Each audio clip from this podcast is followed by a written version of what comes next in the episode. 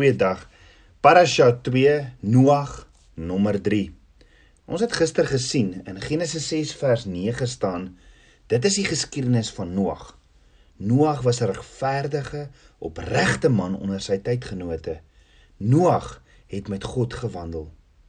Nou hierdie is 'n redelike kragtige vers en ons het gister gesien eers sê dit dat Noag regverdig in Hebreëus tzadik is. Noag was dan ook opreg wat in Hebreëus Tahim is en dan ook dat Noag saam met Abba Vader gaan wandel het. Is dit nie ook iets wat jy sou wou hoor Abba Vader van jou getuig nie? En Abba Vader leer my egter verder oor Noag wat opreg of Tahim is. Die King James sê Noag was a just man and perfect in his generation. And Noah walked with God. Nou hierdie perfect beteken nie Noag was sondeloos of foutloos nie. Nee, beslis nie. So wat beteken tehim hierdie perfect?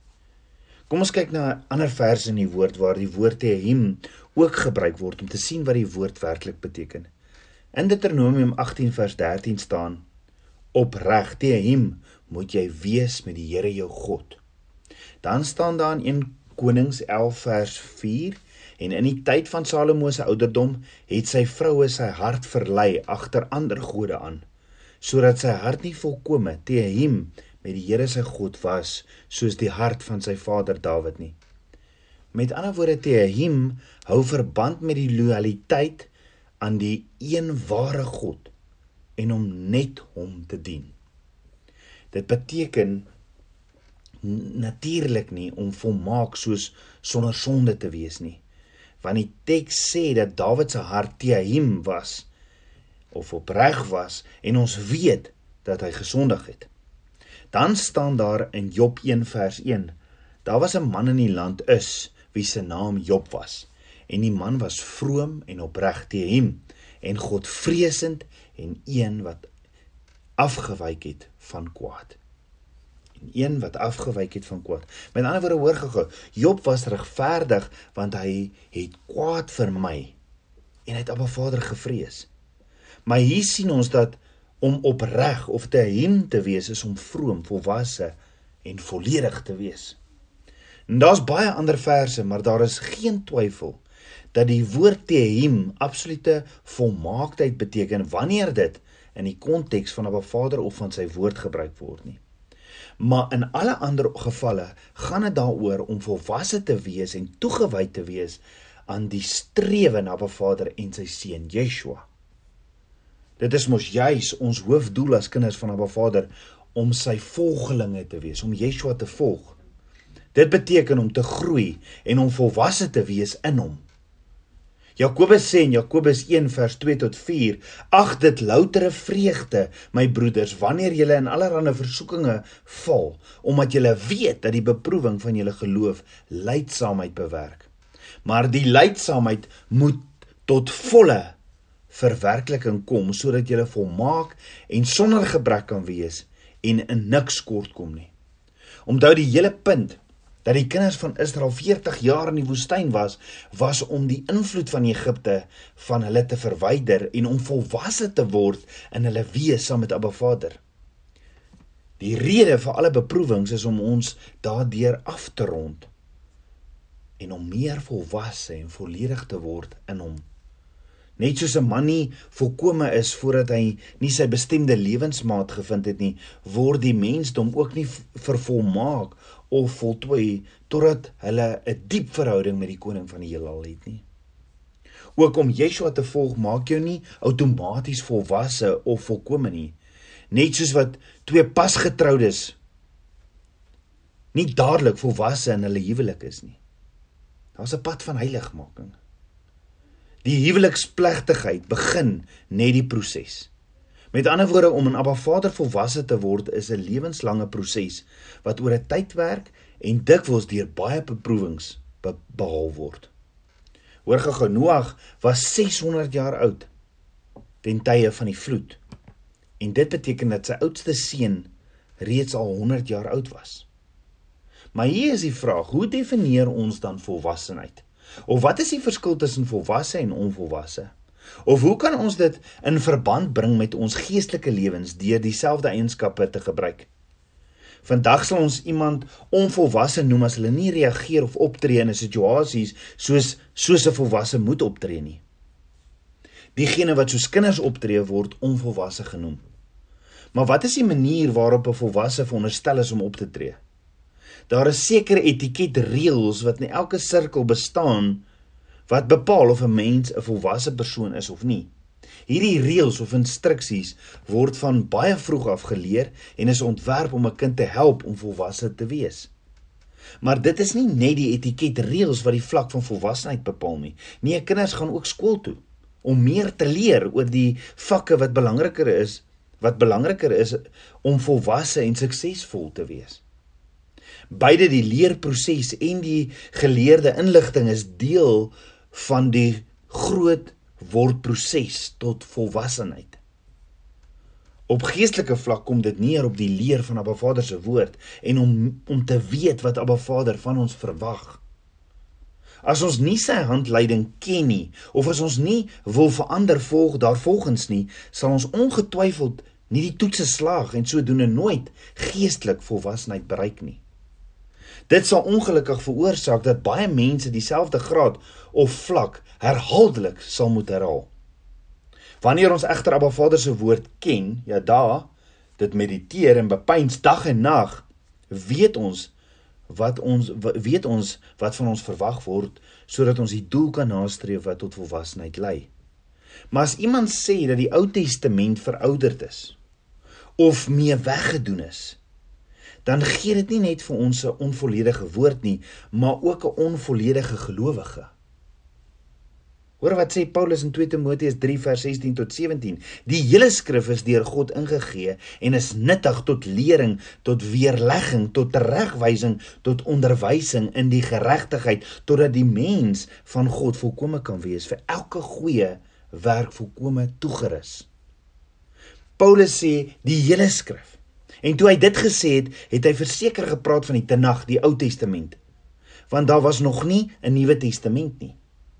En Paulus sê dat die instruksies of gebooie van Abba Vader is wat vir alle leerstellings en teregwysings gebruik moet word sodat ons volledig volmaak te hom kan wees. As ons dus glo dat die handleiding van Abba Vader, die Torah, mee weggedoen is of geen meer waarde het nie, maak dit van Johannes nie net 'n leenaar as hy in 1 Johannes 5 sê dat dit die enigste manier is om op 'n Vader lief te hê nie. Maar Paulus sê ook vir ons dat ons nie volkome daarsonder kan wees nie. Hoor gou-gou, een van die Griekse ekwivalente van die Hebreëse woord tehim is die Griekse woord plero wat beteken om vir om te vervul of om volledig te volmaak te maak. Dit bring ons sekerlik by die bekendste gedeelte in die Nuwe Testament wat hierdie woord bevat, naamlik Matteus 5 vers 17 waar Yeshua sê: Moenie dink dat ek gekom het om die wet of die profete te ontbind nie. Ek het nie gekom om te ontbind nie, maar om te vervul. Plero. Yeshua het nie gekom om die wet, die Torah of die profete, Nevehim, te vernietig nie, maar om dit te volmaak en volledig te maak. Dink daaroor. As iemand trou, word hy vervolmaak, volledig en vervul met 'n lewensmaat. Dit beteken mos nie dat hy nou van sy vrou ontslaa is nie. Nie inteendeel, hulle bestee die res van hulle lewe van daar af in verdieping van die vervulling wat op hulle troudag begin is. Die dag as jy trou, begin die huwelik en dan begin jy volgens die huwelikskontrak te leef. Dink daaroor, die dag as jy trou, hoe gereeld moet jy nie dan van daar af met jou huweliksmaat kommunikeer as jy 'n vervulde huwelik wil hê nie. Net so, hoe gereeld moet ek en jy nie met ons bruidegom in die hemel kommunikeer as ons volwasse, volkome en vervul in hom wil wees nie. Maar hier is die vraag. Hoe gereeld bestee ons tyd om met hom te praat en te leef volgens hierdie huwelikskontrak, hierdie ketuba, die woord? Wag jy vir hom?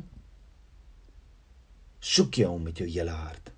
Wel, Abba Vader sê in Jeremia 23 vers 13 en julle sal my soek en vind as julle na my vra met julle hele hart. Jy sien Noag is met 'n rede gekies. Hy het Abba Vader gesoek met sy hele hart en hy het saam met Abba Vader gewandel in gehoorsaamheid. Noag het 'n hart geopenbaar wat daarop toegespits was om hom en sy weë Abba Vader se weë te volg. Noag het Abba Vader geken, ja da, en verkies om die stelsel van die dag te verander en anders te wees as wat die wêreld sê hy moet wees. Hy het gekies om die God van sy voorvader Adam te volg en dit beteken om wat Adam se God gesê het te doen, te volg. Sodoende het Noag Adam se God sy God gemaak. Om saam met Abba Vader te wandel, sy opdragte te volg en dit te leef en dit na te kom. Jy sien om op 'n Vader se instruksies te volg en te gehoorsaam sal jou verseker by beproewings bring wat jou geloof definitief sal toets.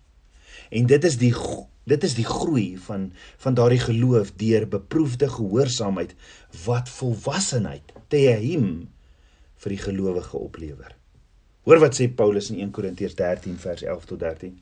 Toe ek 'n kind was, het ek gepraat soos 'n kind, gedink soos 'n kind, geredeneer soos 'n kind, maar nou dat ek 'n man is, is ek is ek klaar met die dinge van 'n kind.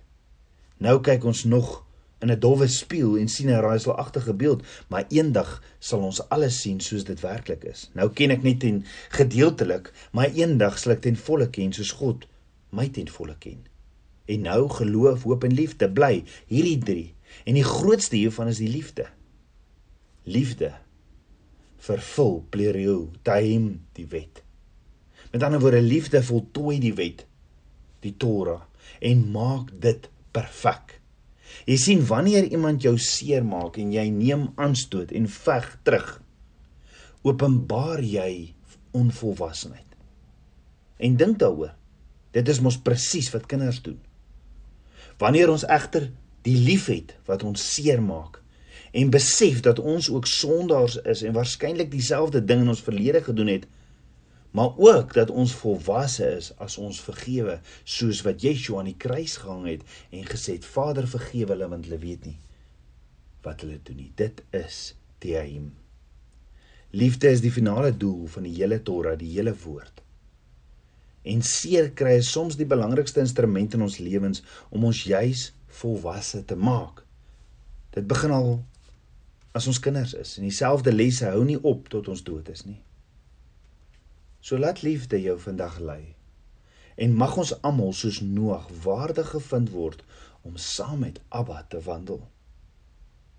Sien Noag het 'n ark gebou op Abba Vader se woord. Sal jy? Kom ons bid saam. Abba Vader, koning van my hart, Vader, ek loof en ek prys U. Vader, meer en meer van U. Vergewe my my sondes en kom leef in my. Ek wil regverdig opreg in u oë wees soos Noag en saam met u wandel. Leer my u weer.